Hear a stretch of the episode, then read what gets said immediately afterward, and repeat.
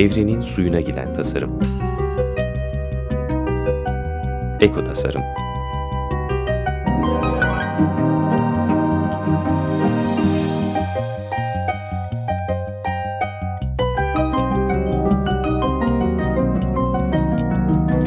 Hazırlayan ve sunan Nurhan Kıyılır. Merhaba Açık Radyo dinleyicileri. Konuğum Ata Şimşek'le birlikteyiz. Hoş geldiniz Ata. Hoş bulduk teşekkür ederim. Ata diyeyim ben. Ata. Senle benle Tabii konuşuyoruz tabii zaten. bana uyar. Tamam. Ee, dinleyicilerimiz seni Öyle herkes Ata şaşır, şaşırmasınlar. Çünkü evvelden de bir tanışıklığımız var. Ee, şimdi e, Zapatista e, kahveyi ve Zapatista e, kooperatifini konuşacağız. Şişhane'ye yolunuz düşerse de e, orada küçük bir e, kafesi de var e, Zapatista adında. Ben çok kahve sevmem itiraf edeyim ama güzel olanı severim. E, ben bu kahveyi sevdim. Hem hikayesini çok sevdim hem de tadını sevdim. Çünkü bazen mesela sergilere gidiyorum sırf orada o yazılanları okumak için. Ee, eserin kendisinden çok daha çekici, seksi, böyle fantastik olabiliyor. Ee, veya işte kahvenin kokusu bazen çok daha güzel oluyor ama bunda e, hem hikayesi çok güçlü hem de tadı muhteşem. Nasıl bir e, hikayedir zaten ondan da bahsedeceğiz. Zapatista e, ismi de veya Zapatista hareketi de herhalde bazı dinleyicilerimize yabancı olmasa gerek ama bir hatırlatalım.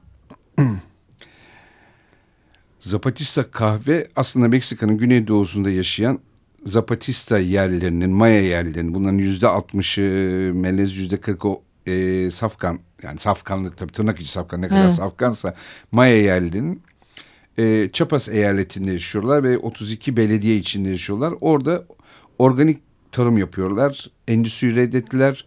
Tamam bir, ben bir ekolojik komün olarak yaşıyorlar. Yaşadıkları bölgede de tamamen organik tarımla ürettikleri kahve bu Zapatista kahve ve en büyük de gelir kaynakları. Bölge halkının da en büyük gelir kaynağı bu kahve.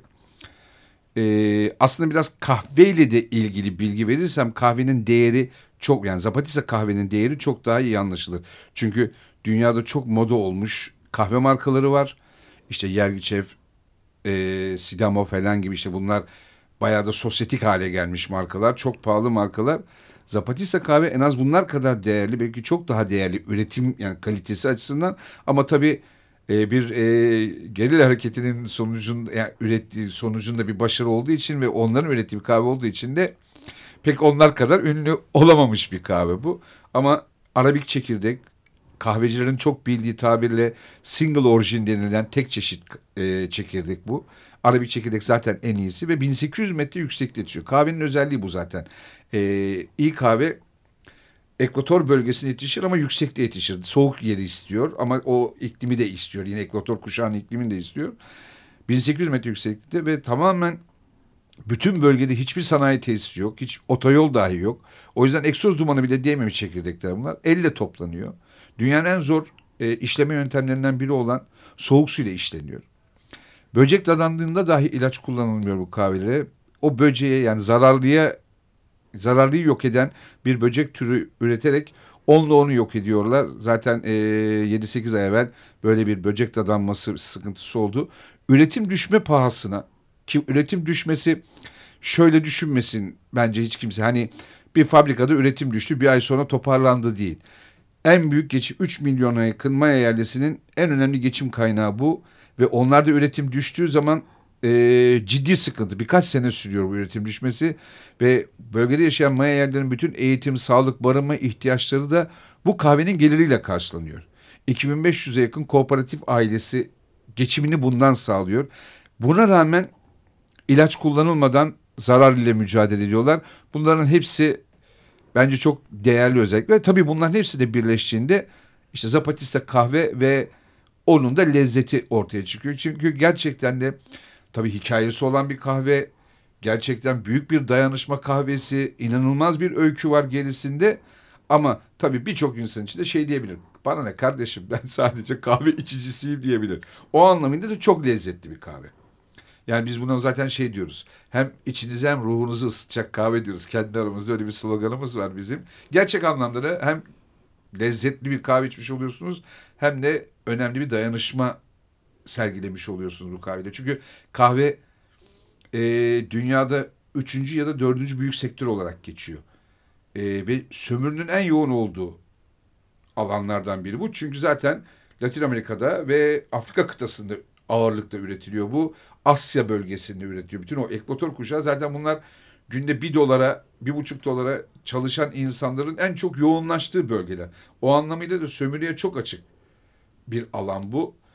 Ee, tabii hiç genellikle aklımıza gelmez. İşte birçok bir kıyafetlerimizde giydiklerimiz günlük tüketim olarak kullan maddesi olarak kullandığımız birçok şey aslında işte böyle yoksul ülkelerde sömürüye çok açık alanlarda üretiliyor. Hiç aklımıza gelmiyor ama kahve de bunun için önemli bir alan. Yani zincir markaların milyonlarca ton olarak sattıkları kahveler gerçekten de ağır sömürünün olduğu hatta tarlalarında çocuk cesetlerinin olduğu alanlarda yetiştiriliyor bunlar. O yüzden de kooperatif kahvesi olması da çok değerli bir şey. En az organik olması kadar değerli. Çünkü üretiminden dağıtımına kadar bir adalet söz konusu. Hele Zapatista kahve için fair trade'in üzerinde de bir yani çünkü çok kullanılan bir sözdür artık. Adil ticaret. Evet adil ticaret. Onun da üzerinde bir etik anlayışla hem üretiliyor hem de dağıtımı da hiçbir aracı kullanamadan işte bütün dünyada Red Prozapa diye geçen bir dağıtım ağı var. Aşağı yukarı 13 ülkede bu ağ vasıtasıyla dağıtılıyor. Ee, yani üretiminden dağıtımına ve dağıtımının sonucunda elde edilen gelirin adaletli bir şekilde paylaşımına kadar gerçekten de diğer birçok kahveden daha ayrı yerde duran bir kahve Zapatista kahve. Ama yani bunun yanında hep şunu da söylüyorum. Yine de bütün kahve severler sadece Zapatista kahve anlamında söylemiyorum. Birçok butik kahveci arkadaşımız fair trade çatısı altında olan organik ve kooperatif kahveler getiriyorlar. E, elimizden gelince de bunları tüketmekte fayda var. En azından o kooperatiflerle dayanışma içinde oluyoruz ve gerçekten de bir sömürüye alet olmamış oluyoruz. Aynen. Bu da bence değerli bir şey. Zaten bir sertifikasının olması gerekmiyor bu tür e, üretimlerin. Benim için çok önemi yok. O, çünkü bazen pazarlama amaçlı da kullanıyor sertifikalar veya oradan da bir gelir elde eden bir zümre oluşuyor. Ee, ama bu tür e, kooperatifleri desteklemek lazım. Çünkü dünyanın her yerinde kahve değil de buğday da olabilir bu. Ladak var mesela işte Himalayaların orada. Orada da e, küçük üretici büyüklere karşı e, ciddi eziliyor veya yok olma tehlikesiyle karşı karşıyalar. bu da ne uğruna oluyor? Bu Batı'nın söylediği bir kelime var, gelişme development diyorlar. Başa bela bir şey bu. Bunu söyledikleri zaman e, hani herkes de buna kanıyor. E, bu küçük üreticiler gittiği zaman e, küçük üretici artık büyük üreticiyle başa çıkamadığı zaman kentlere gidiyor. Ama kentlerde ne yapacak bu insanlar? Hani hepimiz bir tüketici olmaya mahkum oluyoruz. Oysa hala dünyada benim bildiğim kadarıyla e, üretilen malların yüzde ellisini küçük çiftçiler e, üretiyorlar. O anlamda da desteklemek çok önemli. E, gelişmeme uğruna diyeyim ben. Yani o batılı anlamda gelişmeyi çok Zaten benimsemiyorum. Zaten gelişenler bir tek batılılar oluyor. Yani bunu üreten dünyanın geri kalanında küçük üreticilerin hepsi gelişmiyorlar. Yok olup gidiyorlar. Aynen. Dediğiniz gibi kentlerin sıradan insanları haline dönüşüyorlar. Yani şey çok trajik. Ben de işte bazen geziyorum Karadeniz kıyısı falan bazı yerlere gittiğinizde göreceksiniz. İşte Balıkesir'le bir bağlantımız var. Dursun Bey e, ilçesinin köylerini falan gidiyorum. Çocuk sesi yok. Sadece yaşlılar var artık köyde. Evet. Köylerin hepsi göç etmişler. Genç yok köylerde. Yani insanın gerçekten içi acıyor. Yani sanki bir yaşlılar yurduymuş halinde köyler görüyorsunuz. Ve tabii ki binlerce kilometrelerce alan bomboş duruyor ve çok sulak, çok bereketli topraklar bomboş duruyor. Evet. Çünkü artık kimse yüzüne bakmıyor evet. bunların. Ee, böyle pompalanan bir şey var. Ee, kentte yaşayalım, İngilizce öğrenelim, iyi eğitim sahibi olalım. Ee, aman zanaatten e, uzak duralım. Ee, ama herkes de o şehir nimetlerinden eşit derecede yararlanacak anlamına gelmiyor. Yüzde 90-95'te e, bir başarısızlık var o anlamda tırnak içinde söylüyorum bunu. E, geriye dönemiyor çünkü eski reflekslerini kaybetmiş oluyor. E, bir taraftan şehir hayatı da artık cazip gelmeye başlıyor. e, büyük bir e, kültür de ölüyor bunun yanı sıra. İşte Mayalardan bahsettik şimdi veya e, Himalayalardaki hani Ladaklarda çok acayip böyle kadim bir kültür. Şimdi yok. E, ve orada da hep yaşlılar var. E, bizim de işte köylere gidiyoruz hep yaşlılar var. E, ama hep de kadın e, nereye kadar hangi işi yapacaklar, hangi toprağa e, işleyecekler. Çok büyük sorun. O yüzden desteklemekte fayda var ve hakikaten de lezzetli. Tabii aslında burada belki de bu tip şeyleri kendine dert eden insanlar için Zapatistaların yaşam biçimi bence umut veren de bir yaşam biçimi. Yani 3-5 arkadaşın işte biraz paramız var toprak aldık orada komün halinde yaşadık falan dedikleri bir şey değil. Aşağı yukarı 3 milyona yakın insan 32 belediye var burada ve 2000'lerin başından beri doğrudan demokrasiyle yönetiyorlar kendilerini. Seçim dahi yapmıyorlar. Tek seçim yaptıkları yer var kahve kooperatifleri. Onlara bütün kararları ortak alıyorlar ama işte işleri yürümesi için bir tane yönetim kurulu gibi bir şey seçiyorlar. Onu da 2-3 yılda bir yeniliyorlar falan.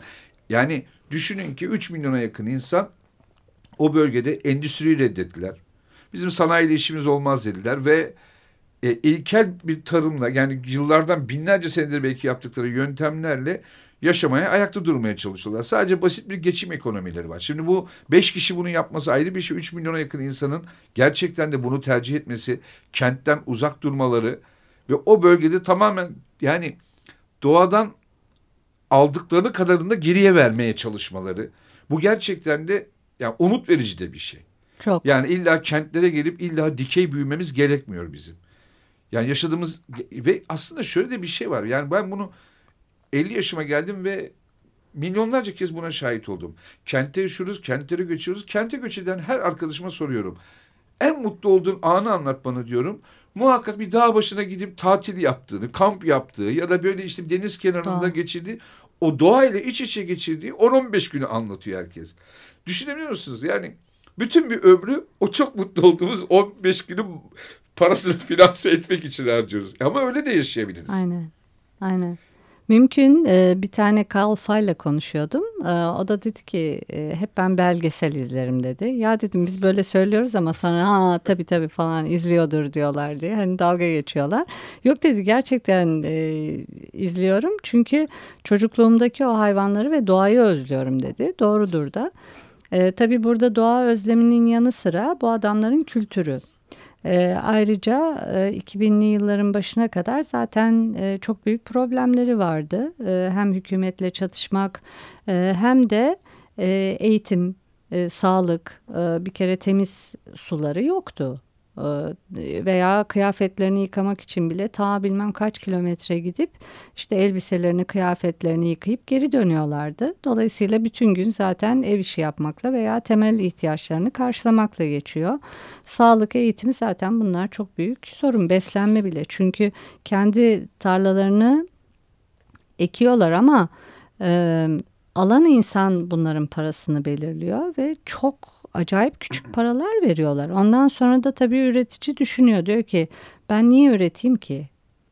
Bu sefer tabii ki de gözünü kente dikiyor. E, ucuz e, iş gücü çıkmış oluyor. Kente de geldiğinde bir fabrikada e, belki asgari ücretin de altına belki hani böyle sürekli bir geçim kaynağı olmadan da çalışmaya başlıyor. E, o yüzden de e, bu kahve lezzetin yanı sıra böyle bir e, kültürlerini korumak adına da çok önemli ve hepimize örnek olması gereken yani bütün topluluklara örnek olması gereken bir mücadele diye düşünüyorum. Bir çok konuştum ama bir müzik arası verelim ondan sonra devam edelim.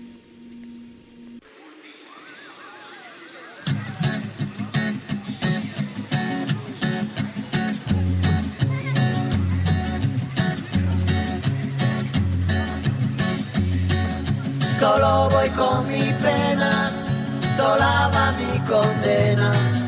Correré mi destino para burlar la ley, perdido en el corazón de la grande Babilón. Me dicen el clandestino por no llevar papel. Pa' una ciudad del norte yo me fui a trabajar mi vida la dejé entre Ceuta y Gibraltar.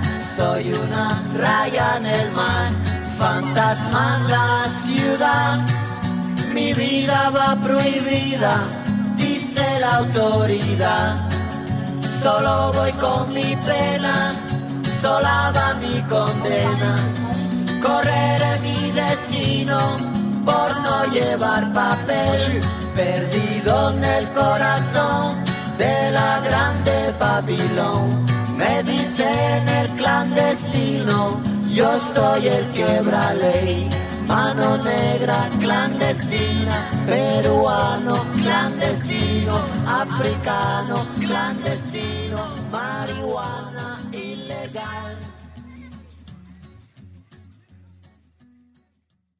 Merhaba tekrar Açık Radyo dinleyicileri. E, konuğum Ata Şimşek'le e, birlikteyiz. E, Zapatista kahveyi konuşuyorduk.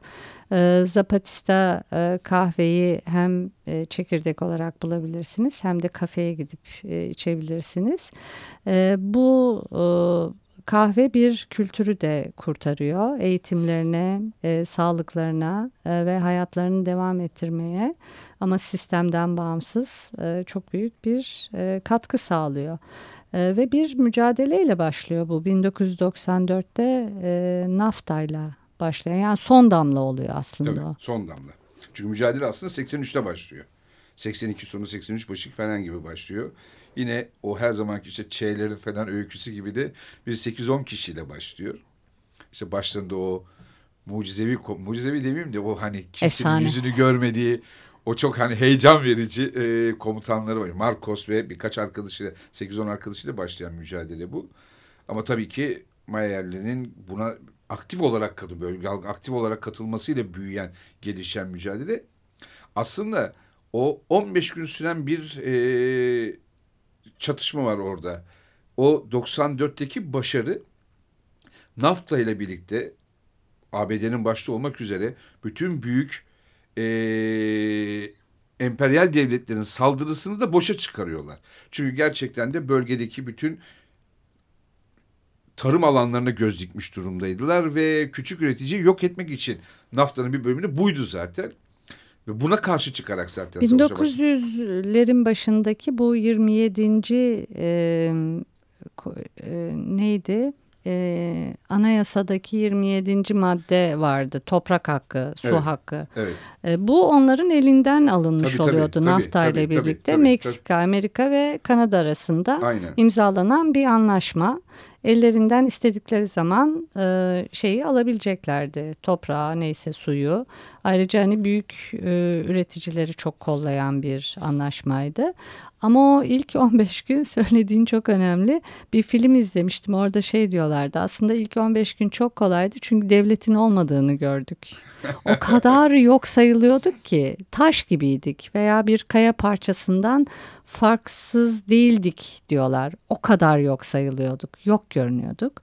Ee, o 15 gün iyi geçiyor çünkü hafife alıyorlar. Evet.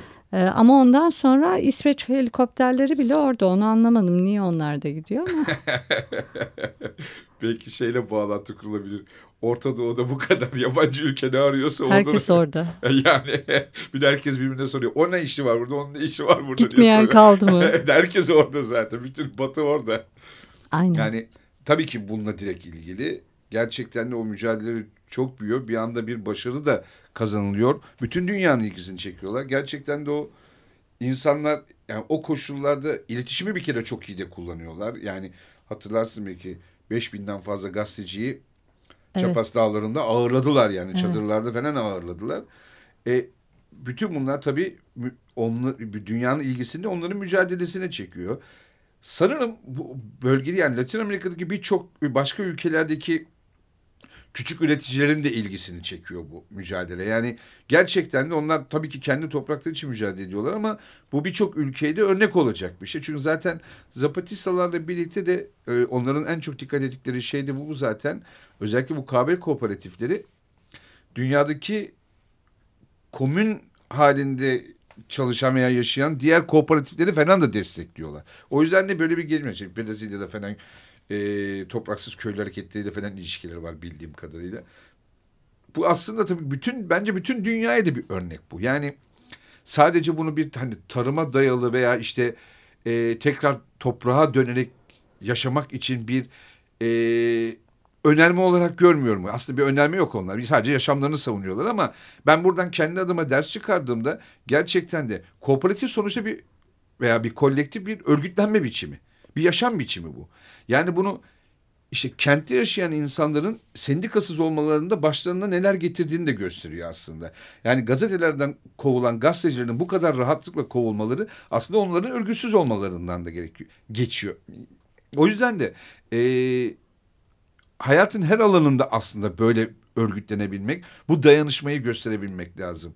Yani belki buradan geziyle bile bir bağlantı kurabiliriz. Kurulur. Orada da çünkü bir 15-20 gün 30 gün insanlar ve hatta beraberinde gelişen süreçte bütün park e, forumlarında bir dayanışma sergiledik. Aslında herkesin içinde de olan bir özlem bu. Yani kent hayatı, kapitalizm, bireyselleşme o kadar parçaladı ki hepimizi. Yani herkes birbiriyle bir dayanışmak da istiyor bir yandan ama bunun yollarını bilmiyoruz. Kendimize güvenmiyoruz. Yanımızdakine güvenmiyoruz. Ama biraz artık belki de bunlara kafa yormaya çalışmak lazım. Bunlara Aynen. biraz ilgi göstermek gerekiyor. Çünkü gerçekten de küçük hayatlarımızdan bile başka türlü bir dünyaya doğru gidecek bir yol köprü kurabiliriz. Bana Zaten öyle geliyor. mikro mikro çözeceğiz herhalde. Zapatistalar e, şöyle diyordu. Biz bir ideoloji değiliz. E, Bizim hareketimiz çok içgüdüsel, çok sezisel. Sağduyu var orada. E, Geziyle bağlantısı da o. Her ne kadar sorsalar da kimsiniz siz kardeşim arkanızda kim var falan diyor. Öyle bir şey yok. Hakikaten çok sezisel, çok sağduyulu bir şey. Ve e, slogan mahiyetinde bir şey söylüyorlar. We are you. Biz siziz diyorlar. Ee, şu sıralarda bir dizi izlemiştim. Ee, Eight of Sense ya da Sense of Eight diye. Sekiz tane kişi var ve sekiz kişi yeri geliyor birbiriyle dayanışıyor veya birbirlerinin yerine geçiyorlar. Wachowski kardeşlerin. Bence buralardan esinlenmişler ya da artık dünya hakikaten bunu daha çok e, yaşamaya veya ihtiyaç duymaya başladı. O, orada da o dizide de söylediği şey we are you. Ee, hakikaten de her yerdeyiz, herkesiz e, ve inanılmaz bir e, dayanışma mı var? Veya burada olan bir şey orada olmayacak anlamına gelmiyor. Veya sadece bir yerde çözmek e, o sorunu çözdük anlamına gelmiyor. Çünkü bunlar hakikaten ulusal ölçekteki problemler sadece onların başına da gelmiyor. O yüzden diğerlerine de örnek oluyor ve çok popüler e, kişiler de destek oldular Tabii buna. tabii tabii. Yani İtalyan futbol takımlarından destekler aldılar. Manu Chao büyük destek veriyor. Yani dünyanın birçok yerinde bu dayanışma var aslında. Ya aslında de, demin söylediğiniz çok bir şey, çok güzel bir şey. Önemli de bir şey. Biz siziz. Aslında bence her canlı gibi bizim de bünyemiz bir olmaktan geçiyor.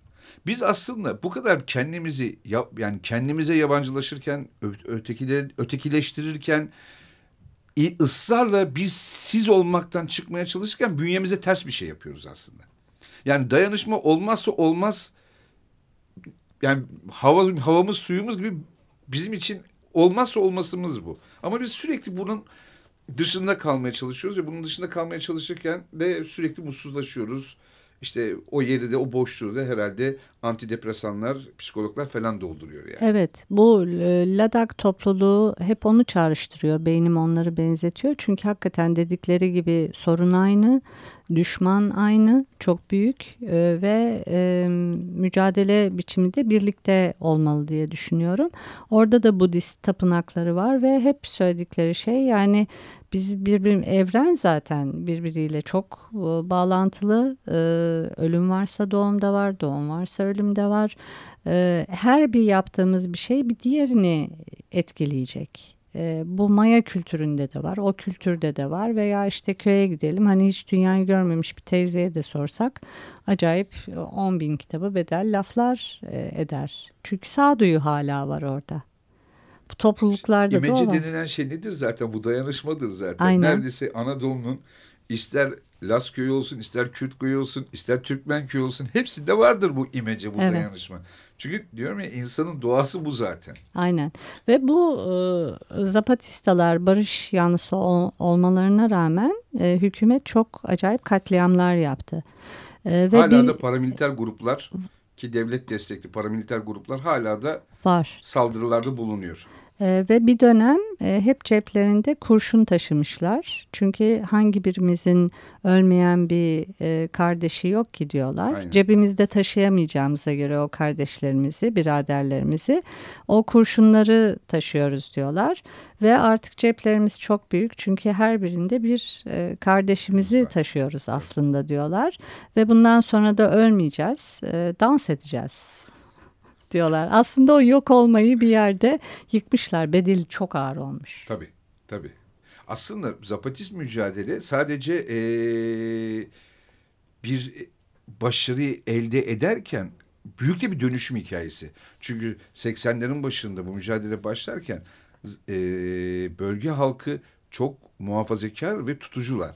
Ama mücadelenin sonunda geldikleri noktada artık eşcinsel ilişki dahi çok normal, normal karşılanıyor. Kadın erkek eşitliği bir kere bütün toplumun bütün çalışma faaliyetlerinin içinde kadınlar bir kere çok ön planda. Bu demek ki böyle bir mücadele dünyanın her yerinde kadınları öne çıkarıyor. Yani gerçekten de o yaratıcılıkları, doğurganlıkları hayatın her alanında da ortaya çıkıyor demek ki. Aslında mevzu demek o alanların açılması gerekiyor. O kadın erkek eşitliğin evet. içinde bu çok önemli başarı bence. Yani o küçücük yerden aslında koskocaman dünyaya dair bir cevap çıkmış. Tabii sürün bizi cephelere. Neyse o da ayrı bir konu. Bu demin dediğin şeye bağlantılı olarak bir şey söyleyeceğim. Dedin ya tutuculardı ve kadercilik çok önemliydi. Evet. Ee, ama şöyle bir şey yaptılar. Özgürlüğümüzün farkına varalım. Geleceğin sorumluluğunu alalım. Ee, kadercilik dünyaya e, böyle yayılan bir gaz gibi veya verilen, salınan bir gaz gibi bundan uyanalım dediler ve bunu başardılar.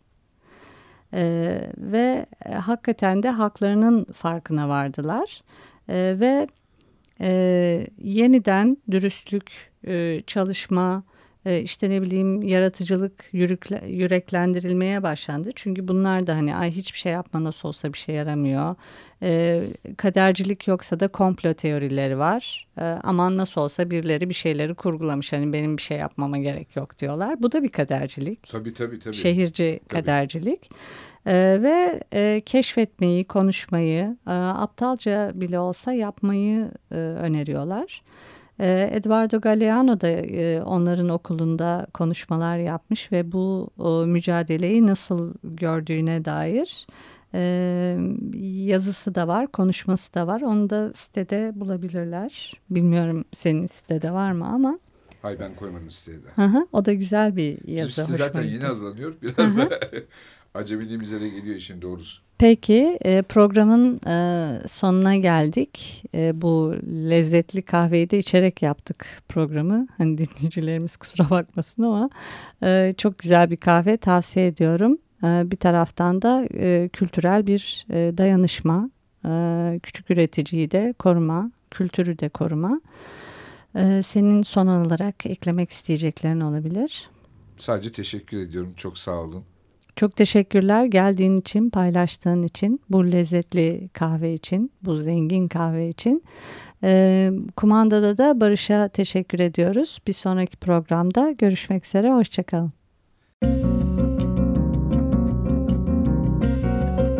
Evrenin suyuna giden tasarım. Eko Tasarım